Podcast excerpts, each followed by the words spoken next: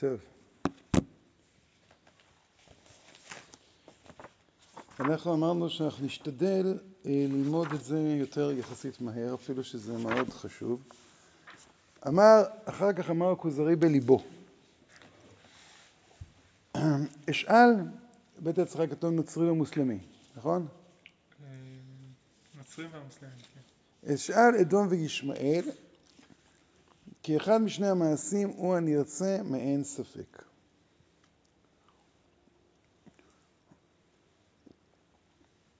עכשיו, אחרי שהוא קנה את הפילוסופיה בלבבו, רואה אני דבריך נכוחים ומספיקים, והשתחרר מהאלילות, אבל מצד שני הוא עדיין אה, משמר בתוכו את הנטייה הזו לתפוס את, ה, אה, את הסובייקט כחלק מחיים, לא כחלק מאיזשהו מכניזם אה, עולמי, אלא כחלק מאורגן, ומה שמתבטא בפליאה, מה שמתבטא, אמרנו, בחפץ חיים שהוא הרבה מעבר לחיים הסובייקטיביים, בנטייה המינית, בהשכלה, כל מה שדיברנו. אה, אז עכשיו הוא בא ואומר, במצב שבו אנחנו נמצאים, 400 שנה לפני אה, רבי יהודה הלוי, אז אדום וישמעאל הם, אה, אפשר לקרוא לזה, האופציות הנבחרות. למה לא יהודים? אבל יהודים די לי משהו נראה משפלותם ומיעוטם ושהכל מעשים אותם. עכשיו, נסתכל טוב בפסקה י' אמר הכוזרי, אני רואה שצריך אני לשאול ליהודים מפני שהם שארית בני ישראל. תסתכל אצלך, זה מאוד מעניין אה, איך הוא מתרגם. רואה אני את עצמי נאלץ כביכול לשאול את היהודים כי הם שארית בני ישראל. יפה. אז יש פה, אנחנו רואים ביטוי, יהודים ובני ישראל. זאת אומרת, יהודים זה גלות, מצב של גלות. איש יהודי היה בשושן אבירה, הביטוי יהודי בתנ"ך הוא ביטוי שמתחיל רק אחרי, ה... אחרי הגלות. ושארים בני ישראל זה המצב השלם. עכשיו, כשאנחנו ממשיכים הלאה לפסקה י"ב, מסכים הייתי שלא ישאל יהודים, מפני שידעתי עיבוד זכרם וחסרון עצתם, כי השפלות והדלות לא עזבו להם מידה טובה. כאן הוא מסביר למה הוא קודם חשב לא לשאול. מסכים הייתי, כלומר בפסקה אה, ד', שלא ישאל יהודי, אבל אה, כאן הוא אומר משהו אחר. די לי משהו נראה משפלותם ומיעוטם ושהכל מואסים אותם. כאן הוא אומר בעיה אחרת, עיבוד זכרם וחסרון עצתם. כי השפלות והדלות לא עזבו להם מידה טובה. זאת אומרת, אחרי שהוא מגיע למסקנה, שאותה אנחנו נראה בהמשך, רואה אני אה, שצריך אני לשאול, אני נאלץ, אני לא... אה, המציאות מובילה אותי לשאול את היהודים. אבל אני מתייחס ליהודים לא בתור יהודים, אלא בתור שארית בני ישראל. השאלה היא, האם הם נשארו כשארית? זאת אומרת, אולי הם כבר לא שארית בני ישראל, אולי הם איזה, כן, אה, אה, גחל שכבר אי אפשר אה, להפיח בו רוח חיים. זאת אומרת, אתה מסתכל עכשיו בגחל הזה, באש הלוחשת שם. האם האש הזו היא עדיין יכולים מתוכה לשחזר מה היה? אתה מסתובב באתר ארכיאולוגי. האם האתר הארכיאולוגי הזה אתה מסוגל להשיב אותו אה, לחיים? כן, אה, היום אה, מסתובבים באתרים ארכיאולוגיים, אז יש כל מיני סרטי הדמיה, מה היה פעם. אז אתה יכול לנסות להבין, אה, להבין מה היה פעם. אבל כשאתה פותח את העיניים, אתה יוצא מהחיזיון האורקולי, אתה מסתובב שם, אתה... בסדר, כל כך הרבה דמיון צריך בשביל שזה, האם יש בזה טעם. עכשיו, אתה מדבר פה על מה נשאר בתודעה היהודית מבני ישראל. אז כאן הוא אומר, בפסקה י"ב, עיבוד זכרם וחסרון עצתם. באמת, מה פירוש עיבוד זכרם? זה ממש מזכיר לנו את מה שאומר הכוזרי, הרבי יהודה על עצמו, רבי יהודה לוי על עצמו. וזכרתי מה ששמעתי כבר. זאת אומרת, אני זכרתי, אבל היהודים כבר לא זוכרים. והוא בעצם בא ואומר, המלך טוען שמה שאני אומר, שאני זוכר, זה לא נכון. כן, זה כן, סליחה. יש לו איזה ביטחון אבל בבני ישראל, כאילו? ובעצם כשהוא מגיע לפסקה י"ב, הוא בא ואומר, כנראה שהשאיפה הזו שלי אה, לא תוכל לבוא לעולם לידי מימוש. כי הפילוסוף לא נותן את זה מענה, כנראה, מתוך מה שאנחנו לומדים פה, כנראה גם הנוצרי והמוסלמי לא ייתנו לזה מענה. והאלילות לא נותנת לזה, אז אולי היה אפשר לבני ישראל, רק אין בני ישראל בעולם. אבל מה גורם לו להאמין בכן מה שהיה בני ישראל? זה נגיע, זה דילגתי, רק אני רציתי פשוט בגלל שהוא אומר, מסכים הייתי, ולראות את ההבדל. זאת אומרת, אז הוא אומר, עיבוד זכרם וחסרון עצתם. עצה זה מבט כלפי העתיד. כלומר, כשאתה נותן עצה למישהו, אז אתה בא ואומר, אני מסתכל כרגע קדימה, ואתה נמצא במקום שבו אתה לא יודע, כן, לפני עיוור לא תיתן מכשול. אז חז"ל אומרים, לפני עיוור בדבר לא תיתן עצה שאינה הוגנת. כלומר, בא אליך מישהו להתייעץ, אתה רואה מה שהוא לא רואה, ועל בסיס זה אתה לא נותן עצה. אותו דבר בעם, עם שיש לו עצה, זה אומר, יכול להיות שכרגע הוא אומר לשנה הבאה בירושלים, אבל הוא יודע מה זה ירושלים. אם אתה, כשתדבר איתו, יתברר שהוא כבר לא יודע מה זה ירושלים, אז אין לו עצה. זאת אומרת שהוא נמצא בנקודה תלושה לחלוטין, הוא איבד את הזכר, כלומר את העבר, הוא איבד את היחס לעתיד, עיבוד זכרם וחסרון עצתם, אין לו כלום. הוא מנותק מהכל. אז למה? כי השפלות והדלות לא עזבו להם מידה טובה. זאת אומרת, עכשיו זה פלא, מה זה השפלות והדלות? כי הלוא רבי יהודה הלוי מדבר בתור הזהב, כן, ובתור אה, הזהב אתה בא ואומר, אה, כן, אין, אה, אין שפלות, אין דלות, אין, זה, זה, זה, עד, עד 1492 מצבם של היהודים שם היה כל כך משופר, עד שהמשך חוכמה אומר שהם כבר חשבו שלא צריכים להגיע לארץ ישראל. זאת אומרת, כשהוא מדבר על שפלות ודלות, הוא לא מדבר דווקא על הקהילות האשכנזיות אה, שסבלו מאוד באותה תקופה במסעי הצלב, אלא הוא מדבר על ברמה הלאומית, אין לנו עם. זה נקרא שפלות ודלות. השפלות והדלות גרמו לאיבוד זכר וחסרון עצה. אז יכול להיות שברמה האישית יהודונים אה, האלה עם האף נמצאים, נמצאים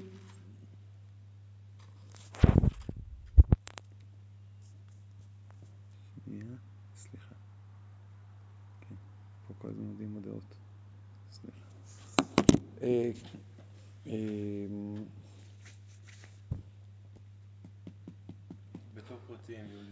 בתור יהודים, אה, יהודים, יכול להיות שזוכים לעושר וכו' וכו' וכו', אבל זה לא קשור לשפלות הפנימית שלהם, לדלות הפנימית שלהם. זה מה שהוא אומר פה, אבל בי"ב. אבל בד' הוא מנמק אחרת. בד' הוא עדיין לא מדבר על היהודים כאיזשהו, כדיון האם הם שארית בני ישראל. בשלב הזה הוא בכלל לא מתייחס לבני ישראל, כי בני ישראל לא, לא, אומרים, לא, לא עומדים לדיון, הם לא קיימים. אדם יכול לצמוח רק מתוך מה שקיים, לא מתוך מה שלא קיים. עכשיו, אז למה לא לשאול את היהודים? אז כן הוא מזכיר פה שפלות, אבל הוא מזכיר עוד דבר, מיעוט וג' שהכל מעשים אותם. זאת אומרת, אנחנו אומרים כל הזמן, המלך מחפש כוחות חיים. כשהוא מגיע לפילוסוף, הוא לא נכנס איתו לפילוסופיה שלו, אלא פילוסופיה כגילוי של תנועת חיים, כתביעת חיים. יש איזושהי תביעה שנמצאת בפילוסופיה של הכללה, יש תביעה של תפיסה של המציאות כולה, יש תביעה של חריגה מהסובייקט, וזה מה שהוא מחפש כל הזמן, איזושהי חריגה מהסובייקט, כן, איזו יציאה מהסובייקט.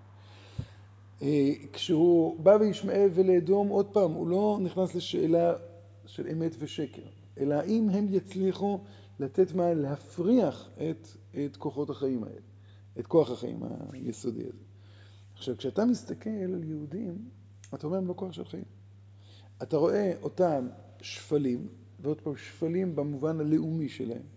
כלומר, האם יש עם כזה אם יש עם, זה אומר שיש פה כוח חי. יש פה, מצד אחד יש פה עם, יש פה תודעה לאומית שהיא מאוד מאוד משונה ושונה מהעולם כולו. אה, במובן הזה שיש, שנשארה תודעה לאומית, שהנה, היום אה, חוזרים, זה, זה עם יחידי ש, שחזר לחיות. זאת אומרת שאם הוא חזר לחיות זה אומר שהוא היה חולה, שהוא היה רדום, שהוא היה בהרדמה כללית, לא יודע איך לקרוא לזה, המון המון שנים. אבל נשאר בו משהו. אלא מה? המשהו הזה הוא שפל, המשהו הזה הוא לא מצליח להתפרץ, המשהו הזה הוא לא מצליח להיבנות, זה נקרא שפל. אבל נקודה נוספת, או, או אולי, כן, אה, זה מיעוטם. זאת אומרת, אה, הפילוסופיה, זה נכון שהיא תפסה רק את האליטות, והיא הייתה מיועדת לאליטות. אבל, קודם כל, הפילוסופיה היא אוניברסלית.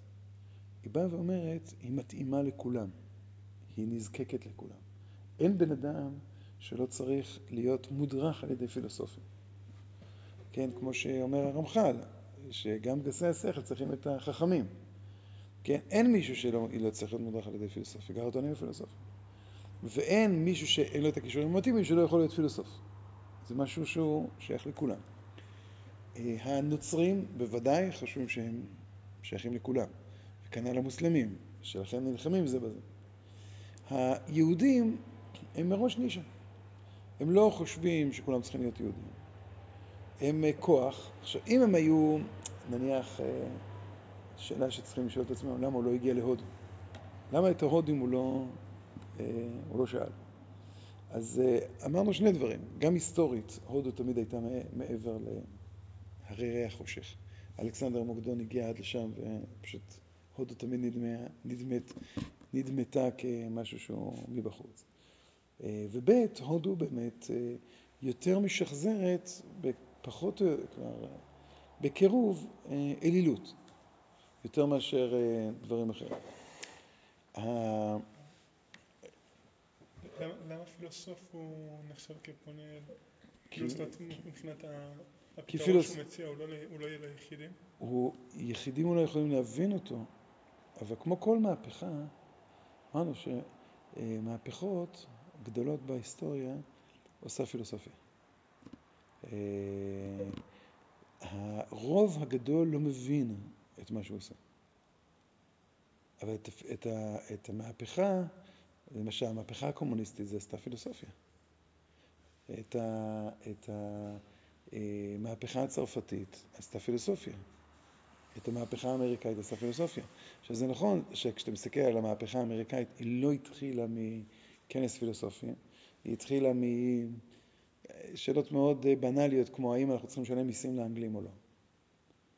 וכשעלו על הבריקדות בפריז, אז זה, מי שעמד שם זה לא היה דווקא מרד סטודנטי כמו בשנות ה-60, אלא אנשים שכבר נמאס להם להיות עבדים. אבל מה שהתסיס את הרוחות בפנים, בפנים, בפנים, היה איזושהי תרבות חדשה. את התרבות, מי שמכונן אותה זה פילוסופים. לכן אני אומר, הפילוסופים עצמם טוענים שהם שייכים לכל העולם. שהם אה, מתאימים לכל, העולם, שהתשובה שהם באים לתת זה בא לתת תשובה לכולם. אבל זה כמו שאתה תבוא ותגיד, נכון, ילדים קטנים לא יודעים פילוסופיה, וילדים קטנים מודרכים על ידי ההורים שלהם שאמורים להיות פילוסופים. אז לפעמים יש ילדים קטנים שנשארים גם בגיל 40 ילדים קטנים, או בגיל 50 ילדים קטנים. אז הם צריכים להיות מודרכים על ידי, אה, על ידי אה, חכמים, על ידי פילוסופים. אבל פילוסופיה, זה כמו שאתה בא ואומר, תורה שייכת לכל, לכל עם ישראל, נכון? בתור יהודי דתי, נכון? אבל אתה מודע לזה שתורה שייכת לכל עם ישראל ברבדים מסוימים. את רב שמעון שקופ שכתב את חידושיו, ייעד את זה כל ישראל? בטח. האם כל ישראל יכולים להבין רב שמעון שקופ? לא. זה פוגע בכוללות שלו? זה לא פוגע בכוללות שלו. הוא נמצא. כן, הזכרנו את זה הרבה פעמים, נכון, את מקשין האוילים. נכון, שאתה קורא איזה מהר"ם בחולין או מהרשע בחולין, מקשים האוילים, אז אתה מתחיל לחפש מי זה האוילים שהקשה את הקושייה הזו בחולין. זה יש עולם כזה, זה אוניברסלי, כן? אז זה, זה, זה, זה, עכשיו, היהודים, אז הם שפלים ברמה הלאומית. הם מעטים, זאת אומרת, הם לא יכולים לדבר אליי. הוא גם אחרי זה אומר לו, זה בפסקה כ"ה. הם מעטים, כי אתם המעט מכל העמים. ושהכל מואסים אותם. זאת אומרת, שהם בעצם נתפסים כמשהו שהוא אנטי חיים. עכשיו, אפשר להגיד ככה, במבט מאוחר יותר הוא יגיד, זה שהכל מואסים אותם, זה צודק. כי הם שארית בני ישראל. כשאם בני ישראל יופיעו כבני ישראל, לא ישנאו אותם. כשבני ישראל היו בני ישראל, אז לא הייתה אנטישמיות. אצל שלמה המלך לא הייתה אנטישמיות. אה, גם כשאפילו, אם ניקח את כל בית ראשון, אה, נלחמים בישראל, אבל נלחמים בכל האזור נלחמים. בקריאת ים סוף מתואר אז. זה לא סוג של אנטישמיות? אה, זה, הייתי אומר, בוודאי שלא, מחוץ לעמלק. זאת אומרת, תקשיב, אתה גר בארץ שלך ואתה יודע שעוד רגע עומד אה, לעבור איזה עם כובש. אתה לא יודע בדיוק מה האינטרסים שלו. לא, לא תפחד. תפחד. לא, אתה לא צריך להיות אנטישמי בשביל זה. אתה סתם צריך אה, לרצות להמשיך לשבת במקום שלך. אה, טוב, תבוא תשאל אותי, הפלסטינאים אנטישמים או לא? שאלה טובה.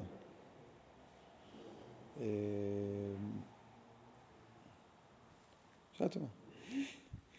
זאת, התשובה לזה מסובכת אה, קצת, כן? זאת אומרת, אה, זו שאלה היסטורית אה, מאוד רחבה, איך צמחה הלאומיות הפלסטינאית. האם היא צמחה, בקיצור, האם היא צמחה כאנטי או כחיוב? תום שגב טוען שהיא צמחה כאנטי. זאת אומרת שבעצם, איך הוא כותב לצערו, תום שגב. כי הוא, כן, אבל שהתרבות הפלסטינית לא הצליחה ליצור אה, משהו שהוא לא תרבות של שנאה. נניח במצרים יש לך, יש לך תרבות שלמה. בתוך כל התרבות השלמה הזו יש גם קצת, אה, לא משנה, רמה כאלה אחרת של אנטישמיות. אבל אום כולתום לא שרה, אה, שירי אום כולתום זה לא מסביב לזה. פריד אל-אטרש הוא לדעתי צפוני או סורי, לא? עיראקי? לא זוכר. אני זוכר פעם נסעתי עם איזה אה, נהג ערבי, השמיע לי בדרך, אה, משאית. אה, השמיע לי בדרך פריד האלטרש, והסביר לי את ההבדל בין אום קולטום לפריד האלטרש, לא, לא מבין מילה ערבית, כן? אז אומר לי שפריד האלטרש הוא פילוסוף, השם שלו פילוסופים. הוא אמר לי שאום קולטום זה סתם שירי אגבים. הוא אומר, אבל לפריד האלטרש, מה זה שירי פילוסופיה. הסביר לי שם בדרך, תשמע את השיר הזה, תשמע את השיר הזה, תקשיב ל... מלודיות. מעניין. אז, אה, אה, אז יש תרבות שלמה. עכשיו, האם העיראקים, נניח, לא משנה, העיראקים, הסורים, לא שונאים גם, גם.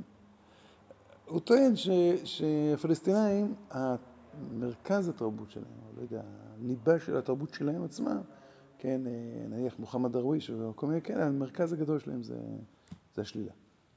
אז לכן כן אפשר לציין אותם כאנטישמים. להבדיל, לא יודע אם להבדיל, אבל כן, נבדיל אה, בין עמלק לבין.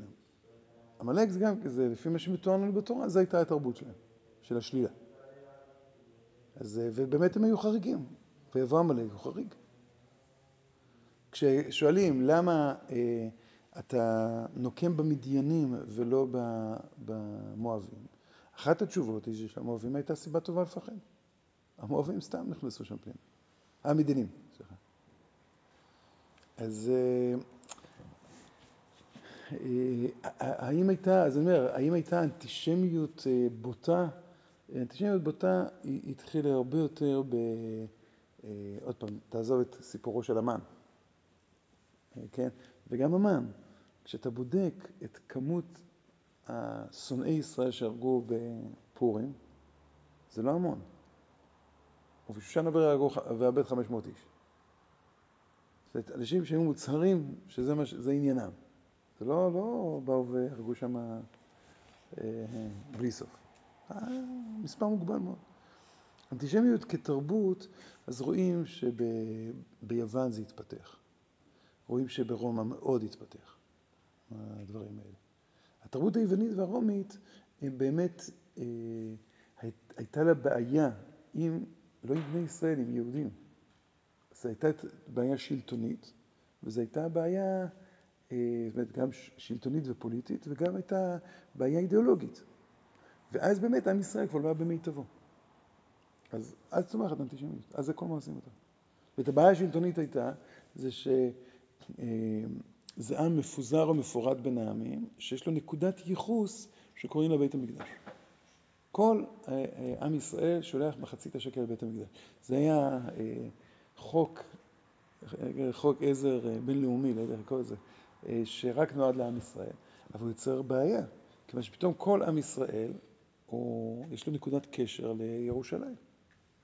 את חורבן בית המקדש זה אירוע, הוא בעצם מה שגרם לעם ישראל, ברגע, ברגע החורבן, להרגיש גלות לחלוטין. זאת אומרת, גם שהיו המון המון תפוצות, אבל זה היה תפוצות ביחד. זה כמו שלמשל, אה, נניח אה, בלשון העברית שלנו, אנחנו, לפחות עד לפני לא מזמן, עד לא מזמן, אז היה לנו עולה לארץ ויורד מהארץ, נכון? אז נקודת הייחוס הייתה ארץ ישראל, נעלה מהכל, ומי שלא, נו יורד. יורד זה ביטוי, אה, כן, ירד מנכסיו, אז לא... זה לא איזה ביטוי חיובי. כן? אה, היום כבר לא קוראים לזה כך, נכון? אני חושב. היגר. הוא היגר לגרמניה, הוא לא ירד לגרמניה. זה כבר... אה, אין, זה, ברגע שהסוכנות באה ואמרה, אין לנו שום מטרה לעלות יהודים לארץ, אלא לשמר תפוצות, זאת אומרת שאין להם כבר נקודת ייחוס. הם איבדו את נקודת הייחוס שלהם. האם, הם, האם יש סיכוי שהם יתקיימו בגלות? קשה מאוד להאמין, לפי מה שאומרים את ההתפתחות ההיסטורית. והעיבוד נקודת הזהות היא, אז, אז על כל פנים, אז, אז, ה, אז היוונים והרומאים, שם התחילה להתפתח באמת אנטישמיות. רואים, אה, יוסף בן מתתיהו צריך לחבר ספר כנגד אנטישמיות, אה, ויותר מאחד, כלומר, בכל החיבורים שלו הוא כזה מנסה להגיב על מה שאתם חושבים שזה היהודים. וכולי וכולי.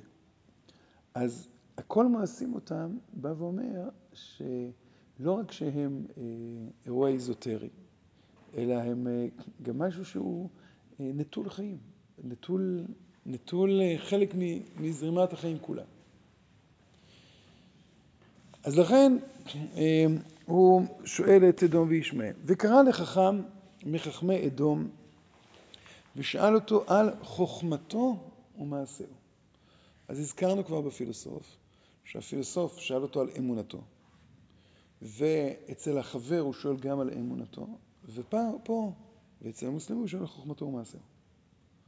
עכשיו, אה, הוא תמיד מחפש את המעשה הנרצה. למה פה הוא שואל על החוכמה ועל המעשה? זאת אומרת, יש פה איזשהו רמז אפי, יש פה איזושהי הקדמה, כמו, כמו הקדמה אצל הפילוסוף. הפילוסוף יש לו אמונה, זאת אומרת, יש לו נקודה שתובעת את כל החיים, אה, זו התמסרות של כל החיים אליה, או כל החיים כולם נערכים על פיה.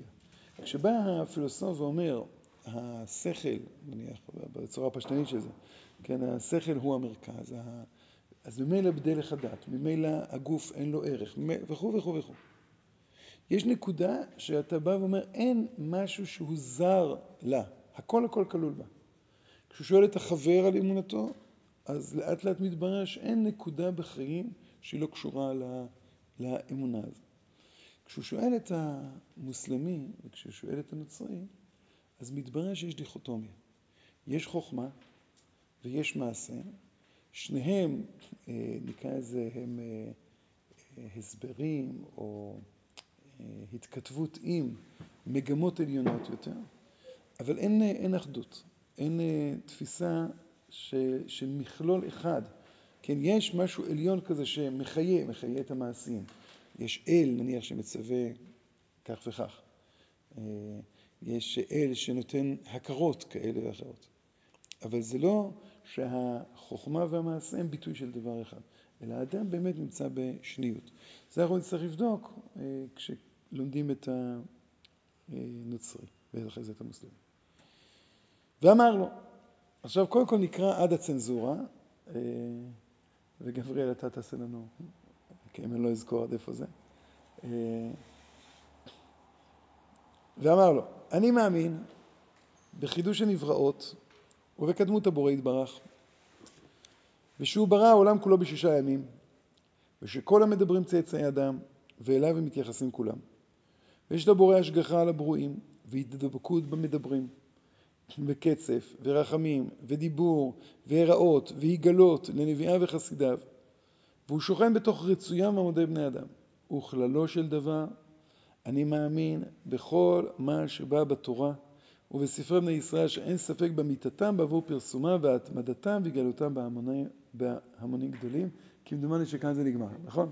כאן זה נגמר. עכשיו, כשאתה קורא את זה, אתה אומר, רגע, הכל בסדר, נכון? אה, עד כאן אה, אין שום הבדל. איפה, מה החידוש? עכשיו, כשאתה חוזר לאותו קטע שבדפוס ורשה כתוב חוץ מן הנוצרים, והכל יהודה אומר, כי לא תמצא בכל הספר דיון על הנוצרים, אז אתה קצת, אה, זה היה באי נוחות, כי עמוד אחרי זה יש שם על הנוצרים. אבל כשאתה מסתכל, אתה אומר, באמת, מה, מה הבעיה פה? אז בואו נקרא כבר פה ונראה את הבעיה, לפני ההמשך, את ההבדל.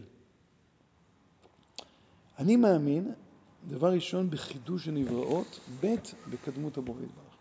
כלומר, נקודת המוצא היא החוויה הסובייקטיבית. כשתסתכלו בפסקה אה, אה,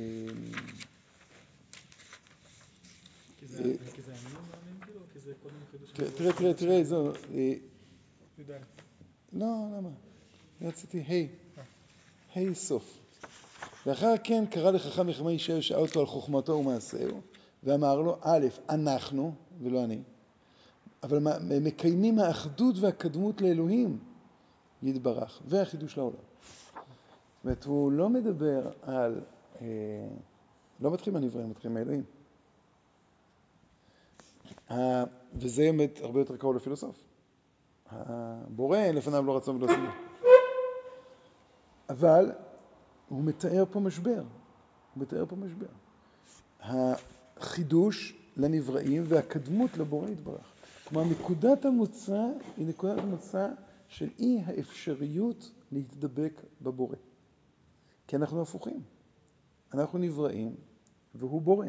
אנחנו מחודשים והוא קדמון. אנחנו יכולים לחוות את כל מה שנמצא בעולם, ואנחנו יודעים שכל מה שנמצא בעולם הוא כאין וכאפס לעומת קדמות הבורא. ועכשיו אנחנו נמצאים באיזשהו, באיזשהו פער. והפער הזה הוא לכאורה, עוד מעט נראה, לכאורה הוא לא ניתן לגישור. זאת אומרת, קודם כל אתם מתחילים עם משבר. זאת אומרת, כשאם אנחנו חוזרים לחלום, העולם המושגי של האדם שבו נמצא האני במרכז, זה העולם שאיתו אתה מסוגל להתהלך. אותה תפיסה טבעית, לא מושגית, שרואה את החיים במרכז, היא תפיסה שנמצאת למעלה מהעולם, למעלה מהנבראים. הנבראים שהם מחודשים, הם בנויים, ההכרה שלהם בנויה באופן סובייקטיבי. אז זה לא משנה כרגע אם הסובייקט הזה יתפשט עד כדי יכולת פענוח של כל העולם והסבר של כל העולם, כמו בפילוסופיה. בסוף בסוף זה חוויה סובייקטיבית. כלומר, זה לא שהנוצרי כבר חשב על דקארט, או חשב על, אה, על האקזיסטנציאליסטים. למרות שעוד פעם, דקארט בוודאי הושפע מהנצרות, האקזיסטנציאליסטים, זה כתוב, זאת אומרת, קרקגור היה נוצרי הדוק. זה לא, זאת אומרת, זה, זה חלק, אה, נקרא לזה, בילדין בתוך השיטה. אבל זה לא שכרגע רבי יהודה לוי, אה, אפשר להגיד שהוא את תקופתו ותופס זה, אבל, אבל לא צריך להגיע לשם. זאת אומרת, בעיני הנצרות, הפילוסופיה היא לא קשורה, ל... אפשר לקרוא לזה, לשאלה המרכזית. כי השאלה המרכזית זה, אפשר לקרוא לזה, זה הפרדוקס של הקיום האנושי, האבסורד של הקיום האנושי. כלומר, אתה נמצא בתוך עולם שניתן לך יכולת לתפוס אותו אולי לגמרי לגמרי לגמרי, וזו לא השאלה. כי מה ייתן ומה יוסיף, מה, מה תיתן ומה תוסיף ידיעת העולם. ידיעת העולם היא לא מקרבת אותך אל הבורא. ידיעת העולם היא, היא אולי נותנת לך את יכולת ההתמצאות הכי טובה שלך, של עצמך והכל. אבל השכל הוא שכל מחודש, הוא שכל נברא. הרגש הוא שכל נברא, הוא רגש נברא, סליחה, הכל הוא נברא. ואין לך איזושהי נקודת מגע עם הבורא עצמו. נקודת המגע עם הבורא עצמו זה מה שהוא קורא, אה, אה, יש לבורא השגחה והידברות במדברים. הוא בוחר להידבק בנו, אבל מבחינתנו זה משהו שהוא, אה, אפשר לקרוא לזה אקראי לחלוטין. אין לנו יכולת אה, תפיסה בזה. אז כשהוא אומר, אני מאמין בחידוש הנבראות ובקדמות הבורא יתברך, ושהוא ברא העולם כולו בשישה ימים, ברא העולם כולו בשישה ימים, זה בא ואומר, כל מה שהשכל מגיע למסקנה, זה כבר ראינו את זה, שאותה סיבה שהפילוסופים נוטים לקדמות העולם, זה כיוון שאחרת אין לך נקודת משען ומבטח בידיעות שלך.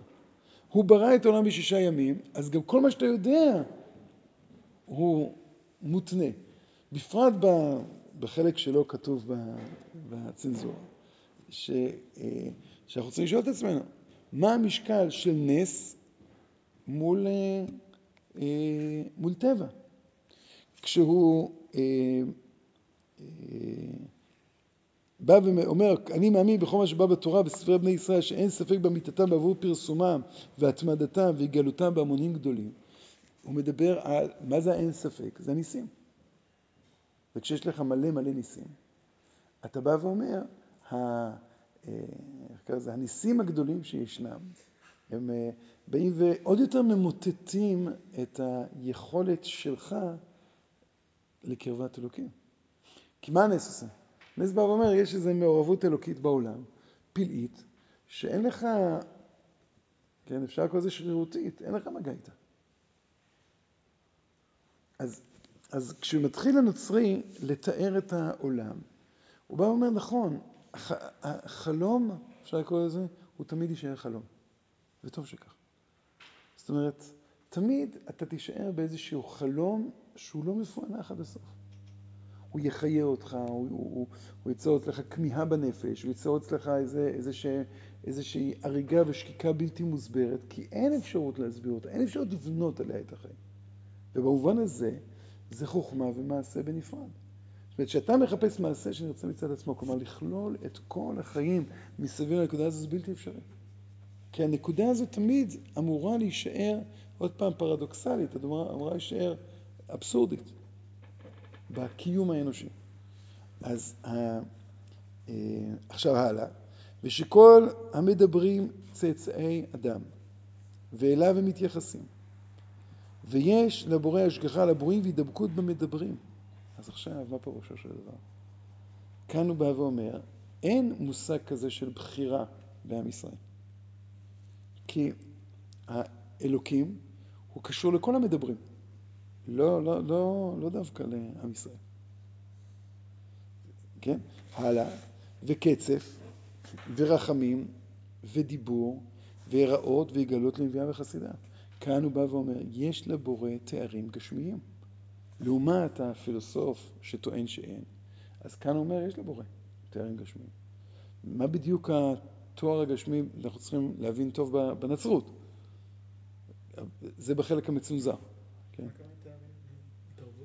לא, תואר אלוק... האם השם כועס? נכון?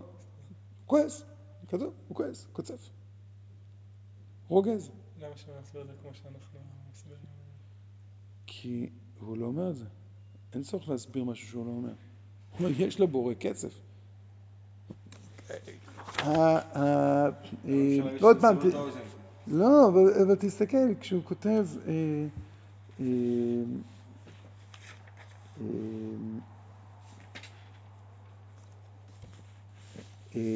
החכם מחכמי ישמעאל, אז הוא כותב, ואם יראה שום דבר בדברינו לפרשנו, מה כי הוא דרך העברה וקירוב לשכלנו. הוא אומר, המוסלמי בא ואומר, אין לו תארים גשמיים. זה לא שהוא לא הכיר, המוסלמי טוען ככה, הנוצרי לא טוען ככה.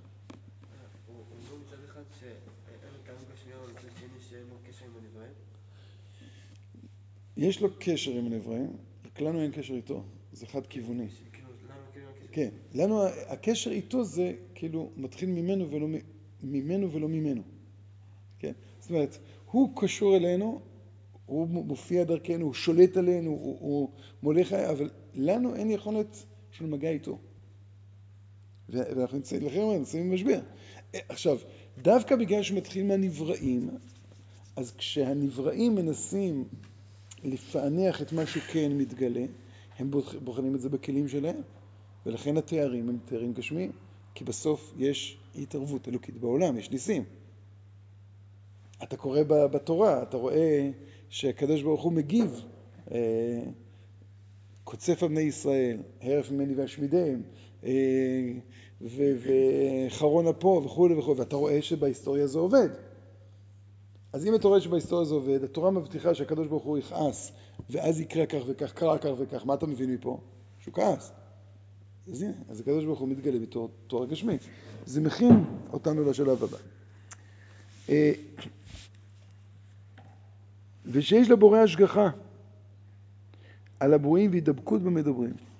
זאת השגחה, אה, שאלה גדולה, מה הוא, מה הוא מתכוון בביטוי השגחה, אבל בכל מקרה, הכוונה, השגחה על כל פרט ופרט.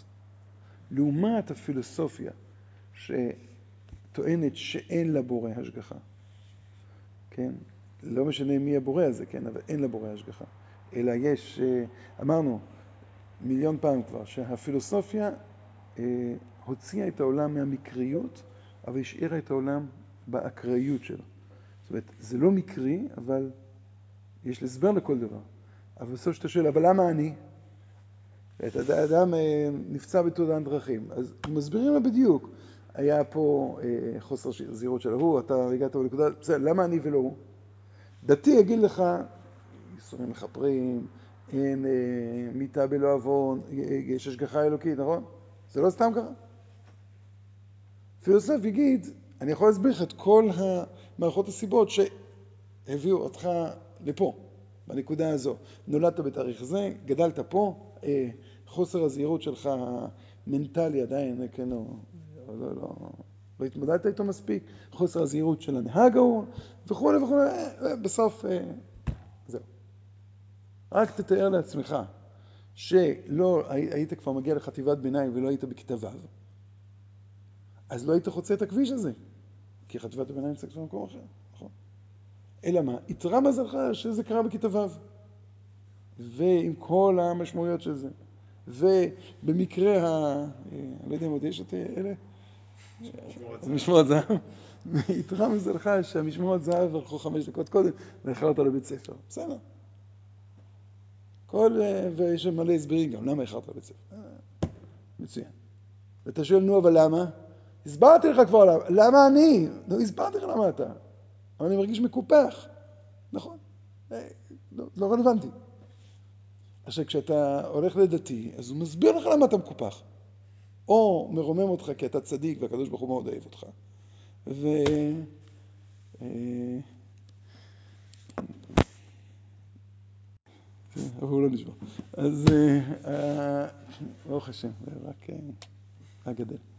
אז נחזור. אז יש כמון הסברים. בא נוצרי ואומר, כן, אני מאמין בדבר הזה, יש השגחה. יש השגחה, מפורטת מאוד. מה מגמתה? עוד לא, עוד לא אומר. עכשיו, אה, וקצף, רחמים, דיבור והראות ויגלות לנביאה וחסידה. והוא שוכן בתוך רצוייו מהמוני בני אדם. זאת אומרת, הוא בוודאי משגיח על כולם. מי הם רצוייו? הוא לא אומר. וכאן הצנזורה נותנת לנו איזשהו, אז, אז אני אומר, למזלנו, אה, הצנזור לא היה אה, מספיק אינטליגנט, למזלי, אה, מול רבי יהודה לוי, ורבי יהודה לוי כבר למשפטים הראשונים הכניס את כל, ה, את כל הנקודה, עוד פעם, את כל הנקודה שכל המבוקש, או ההתמודדות עם המבוקש של, ה, של המלך. כן? ושבעצם, גם אם אתה מסיים פה, אז uh, אתה, אתה אומר, הנה, האם המבוקש הזה נמצא או לא נמצא? אבל תהיה לנו בעיה אחר כך. וכללו של דבר, אני מאמין בחומה שבא בתורה וספרי בני ישראל שאין ספק באמיתתם. למה? בעבור פרסומם והתמדתם והגלותם בהמונים גדולים. עכשיו, מה פירוש הביטוי אין ספק באמיתתם בעבור פרסומם? זאת אומרת, הנחת היסוד של הנוצרי זה שאפשר לקרוא לזה האירועים שקרו לעם ישראל הם אירועים אובייקטיביים. אירועים אובייקטיביים, זאת אומרת, אה, כמו נניח בלשון ההמונית, אה, שומעים אותך, היה נפוליאון? כן, מאיפה אתה יודע שהיה נפוליאון? תשובה? כולם אומרים, וסבא של סבא של סבא בטח פגש אותו, נכון? חבר של סבא של סבא של סבא. אז לכן אני גם יודע שהיה יציאת מצרים, ולכן אני יודע גם שהיה אה, מעמד הר סיני. כאירוע היסטורי. עכשיו, האירוע ההיסטורי הזה, הוא בא ואומר, הנה, יש התגלויות אלוקיות. ולכן, האירוע ההיסטורי הזה מחייב את כולם. הוא לא מחייב, זאת אומרת, הוא, הוא שייך לכולם. שם פשוט, אה, במקרה, וכאן זה שייך כבר מאוד לתזות הנוצריות, במקרה הוא התגלה ל... לעם ישראל. התפקיד של עם ישראל היה אמור להיות אה, אור לגויים, להיות ראש החץ. עם ישראל בעוונותיהם אה, הרבים פישלו. והיות ואלוקים, אה, חכה לזה, יש לו קצת אה, תארים אנושיים, אז אפשר לקרוא לזה, לא אפשר להגיד את זה ככה, אבל היה פה איזה הימור שלא הצליח. זאת אומרת, הוא רצה, נתן את הניסיון הזה, נתן את האפשרות. כמו שלמשל, לא, אתה, אתה לומד על נוח. נוח איש צדיק תמים והיה בדורותיו. אם הוא היה עכשיו מחזיר את כל העולם כולו בתשובה, היה מתפלל על דור, היה מצא, אז, אז יכול להיות שנוח היה, היה נוח אבינו. הוא לא הצליח. אז זה בסדר, אז חיכינו עשרה דורות, והגיע אברהם. אם אדם הראשון לא היה חוטא בחטא אדם הראשון, אז אדם הראשון היה. ואז איפה היה עם ישראל? אם אדם הראשון לא היה חוטא. לא יודע. זאת אומרת, אז הם באים ואומרים, כן, אז היו, אנחנו רואים, היו כל הזמן אה, תביעה של אלוקים מהעולם להאמין. הוא, הוא שכן אצל רצוייו, אבל רצוייו לא הצליחו להרחיב את, ה, את המעגל. אבל איתם הוא לא כרת ברית בתוך, שהם, בתוך הכתבים שהם מאמינים שהם נכונים. נכון, שאלה טובה. אבל uh, הוא כרת ברית, שמה הברית הזו אומרת? שאם אתם מפרים ברית, אז. מי שהפר את הברית זה לא הקדוש ברוך הוא, זה, זה אנחנו. הקדוש ברוך הוא קרא ברית איתנו, הוא הבטיח לנו המון המון דברים. אבל כל הזמן כשהוא הבטיח לנו את ארץ ישראל, אז הוא הבטיח לנו בתנאי ש... הבטיח לנו את בית המקדש בתנאי ש... תמיד יש תנאים. בכפוף לתנאי. מי שהפר ברית זה אנחנו. עד כאן כתוב בצנזורה, ואני אומר, זה מספיק, אה, לא צריך יותר מזה, אבל לא, לא צנזורה, כתוב עוד כמה דברים.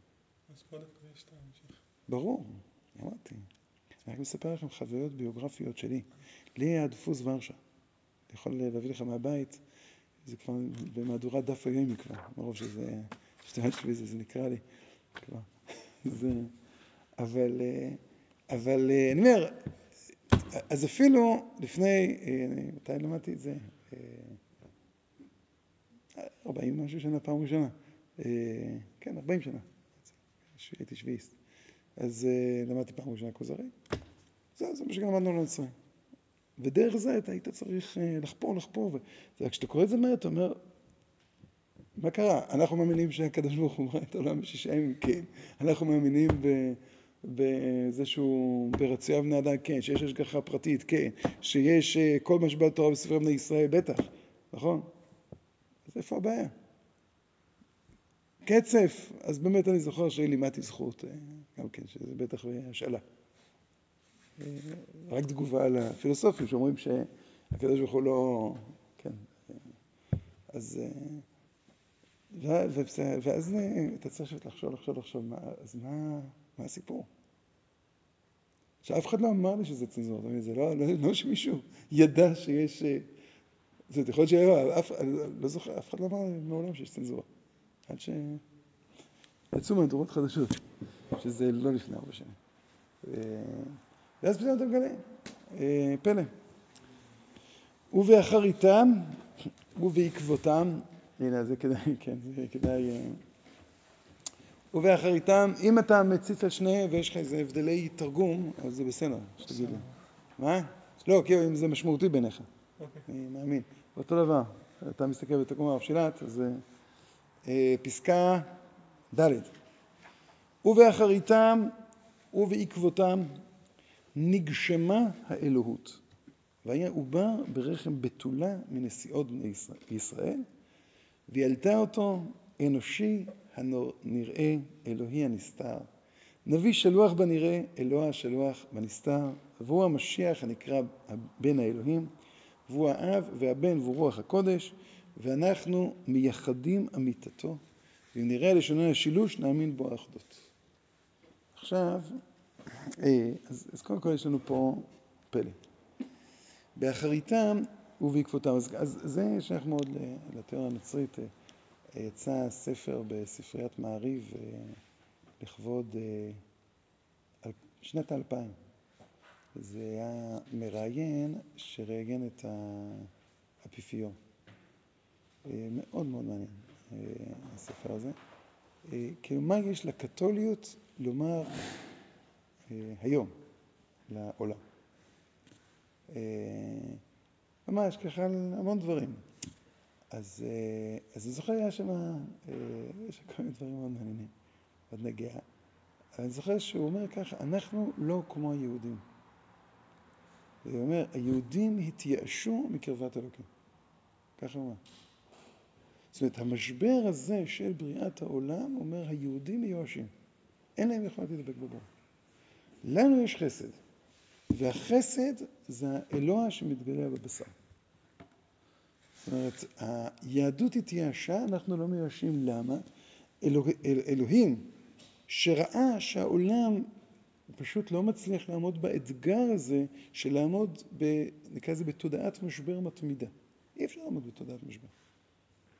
אז הוא ניסה, וניסה, וניסה, וניסה, ונתן, ובא, ואפילו נתן את מעמד הר סיני, ואמר לעם ישראל במעמד הר סיני, תקשיבו, מהיום והלאה אתם חיים בתודעת משבר. אין פלא שחוטאים. אין, כאילו, מה אתה תובע? אתה תובע כל הזמן, תעמדו, תעמדו, תדי, ת, ת, תהיו, אה, כן, אה, יש כל מיני משנים כאלה, אה, קוף בלי שיניים שנמצא ליד ערימת בוטנים, או כלב קשור שהאוכל הוא בדיוק חצי מטר ממנו. זה מתסכל, מה, מה תעשה אז? אז אתה נמצא כל הזמן במשבר. ואלוקים מלא חסד, ורואה את החולשה האנושית, את החולשה של נבראות העולם. ואותה, נקרא לזה תוכנית אלוקית, שהאדם אה, יעמוד כל הזמן ב, ב, רעידת אדמה הזו, בהר הגעש הזה, לא הצליחה. ולכן אלוקים ברוב חסדו יצר מצב של אלוהות שמתגלה בבשר. אלוהות שמתגלה בבשר, פירושו של דבר שיש כל הזמן אה, הופעה אלוקית בגשם. עכשיו זה פרדוקס, לא פחות מאשר בריאת העולם. אבל ונכון, זה משהו שהוא, שאתה צריך להרגיש אותו, אתה צריך לחזות אותו. הוא עיתונאי מאוד מאוד מנומס היה. הקתולים אה, מאמינים, זאת אומרת, הוא אה, מתאר שם, שכשאנחנו אה, אוכלים בחג הפסחא את לחם הקודש ושותים מהיין, אנחנו ממש מתדבקים בבורא, כי הלחם הוא לא סמל, אלא הלחם זה בשרו של ישו. והיין זה דמו של ישו. וכל אחד שטועה מזה הוא הופך להיות קצת אלוקי. עכשיו, איך זה הופך להיות? כי יש פה רבה, אה, אפיפיור, או קומה. עכשיו, האפיפיור הוא ההמשך של ישו בעולם. עכשיו, והוא שואל אותו אה, באיזה שלב, ומי אמר שישו הוא באמת בן האלוהים? אולי הוא איש חכם, כמו משה רבנו, כמו מוחמד, כמו קונפונקציוס. ככה שואל אותו. אז הוא עונה לו, מה פירוש מי אמר? הוא אמר. ולא יכול להיות שהוא ישקר. אז, אז זה לא נעים, זה כמו אמרתי לכם, היה פעם מישהו שהגיע לאיזה עיירה בפולין, ואמר שהיה לו גילו אליהו. וכולם היו חסידים שלו. היה שם איזה, לא יודע איך קוראים לזה, ליצחק אחד, שואל שם, הוא אומר, אה, אולי הוא שיקר. אז מישהו אומר, תגיד לי, אדם שהיה לו גילו אליהו ישקר? לא, לא יעלה לא לדעת. עכשיו, זה, זה פר... עכשיו, אני זוכר, אני קראתי את העמוד הזה פעם ועוד פעם ועוד פעם. אמרתי, איך אומרים, מודפס על נייר כרומו משובח, ועם אותיות גדולות בעברית, תרגום איטלקית, ואני אומר, רגע, זה עיתונאי? תגיד לו, רגע, ואולי הוא שיקר. אין, אין את השאלה הזו. כי הנחת היסוד היא שאי, זאת אומרת, אם אתה מקבל את זה שהוא בן אדם, אז גם ברור שהוא לא משקר. טועים, וזה ככה. עכשיו, אה, אומר לו הכוזרי מיד, אין בכלל מקום לסברה. נראה מיד, זה לא השאלה שלו. אבל אני רק אומר את זה, שלא ננסה עכשיו לנסות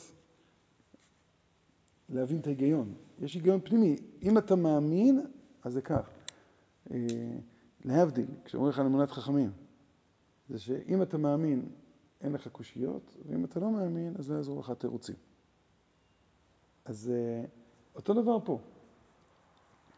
אדם שהוא חווה, ונוצרים מתארים חוויות דתיות מאוד מאוד מאוד עמוקות, אה, של חוויות דתיות.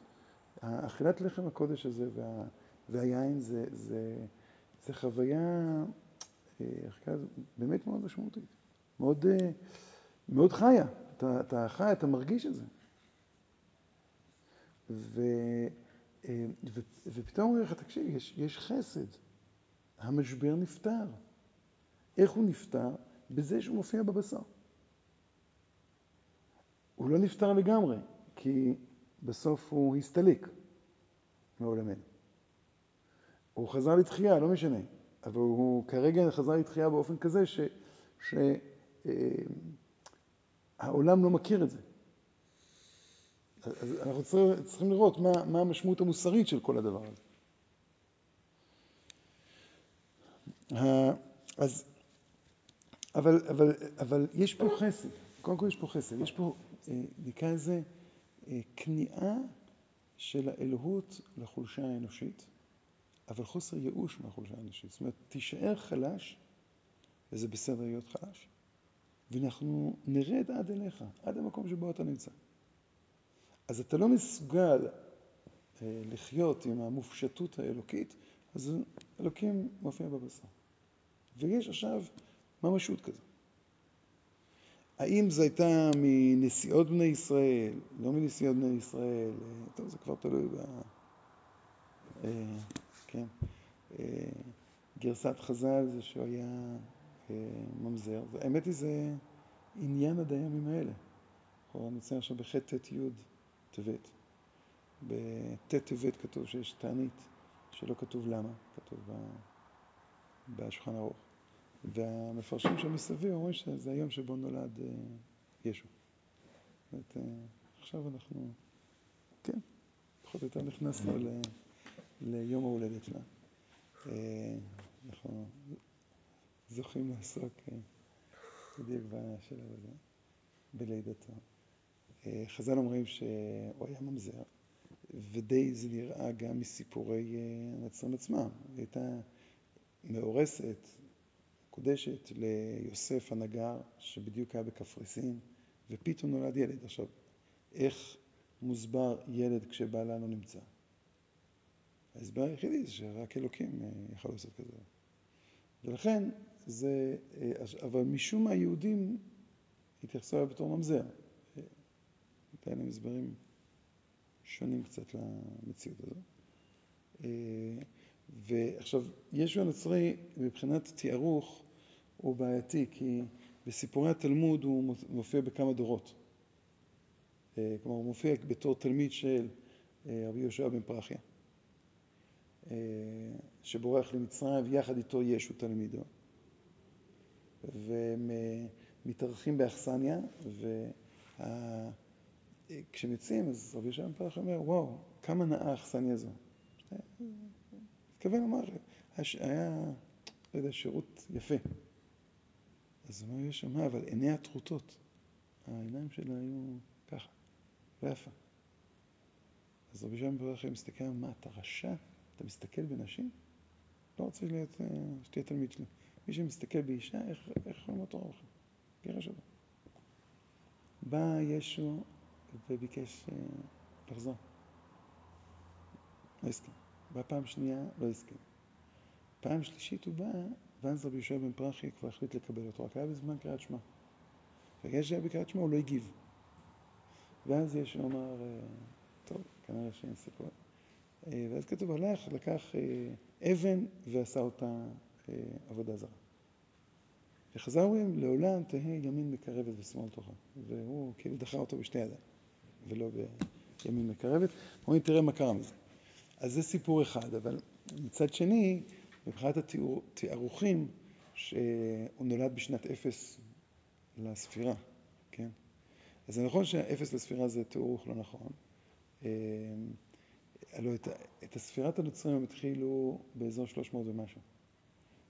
זה, איזה, לא, ביקשו כל הזמן נוצרים לעשות חשבונות. והוא פשוט היה בהיסטוריה. זאת אומרת, יש להם תמיד אמונה שכל אלף שנים יש סיכוי שהוא יתגלה. אז לקראת שנות, שנת האלפיים היה... אתם הייתם איזה... זוכרים את זה? הייתה התעוררות מאוד גדולה, שאו-טו-טו. עכשיו, הבעיה היא, זה ש... זה כבר היה.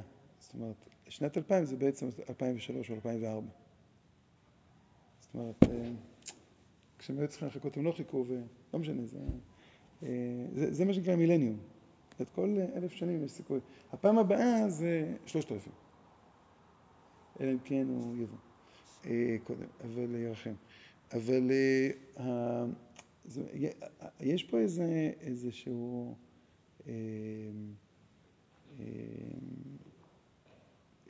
צריכים לתפוס את זה, זאת אומרת, זה המענה לבעיה שהוא מעלה בהתחלה. כן? והמענה הזה זה הנביא שלוח בנראה, אלוה אשר נוסע. עכשיו, לגבי השילוש, זה, זה המחלוקת שהייתה בין הכנסייה הקתולית לכנסייה המזרחית. עכשיו, אנחנו צריכים לדעת, גדלו, יש כמה וכמה כתות בנצרות. הוא הכיר את הקתוליות. הוא ידע על קיומה של. של ביזנטיון, של הכנסייה המזרחית. הכנסייה המזרחית זה כנסייה שהתפתחה, שהיא למשל אבי הפרובוסלבים, הכנסייה הרוסית, הכנסייה האתיופית, כנסייה היוונית, הם, זה, זה נקרא המזרח. שהם לא מאמינים ברומא ולא מאמינים במרכזיות שלהם, יש להם את שלהם. אחרי זה כבר יתחלק יותר. הרבה מאוד שנים אחר כך קם מרטין לותר, פרוטסטנטי, שזה כבר משהו אחר. אנחנו נצטרך בהמשך הדיון שלנו לדון אם כל מה שהוא מתאר זה מתאים גם לפרוטסטנטים, זה מתאים גם ל... עכשיו, הכנסייה המזרחית, המחלוקת הייתה על השאלה של השילוש. עד כמה, האם זה, זה בערך מתנסח, האם זה אחד שזה שהם שלוש, או שלוש הוא אחד. האב, הבן ורוח קודש, האם זה שלושה דברים או אחד, איך בדיוק מתבוננים על זה. אני, התוצאה, נגיד ככה, אני פחות הצלחתי להבין את הדיוק של ההבדל. למען האמת. אבל התוצאה של זה זה שהכנסייה המזרחית נחשבת קצת יותר מגשימה את, את ישו, כן, מאשר הקתולים. הפרוטסטנטים עוד פחות. נעצור פה, נמשיך, בעזרת השם.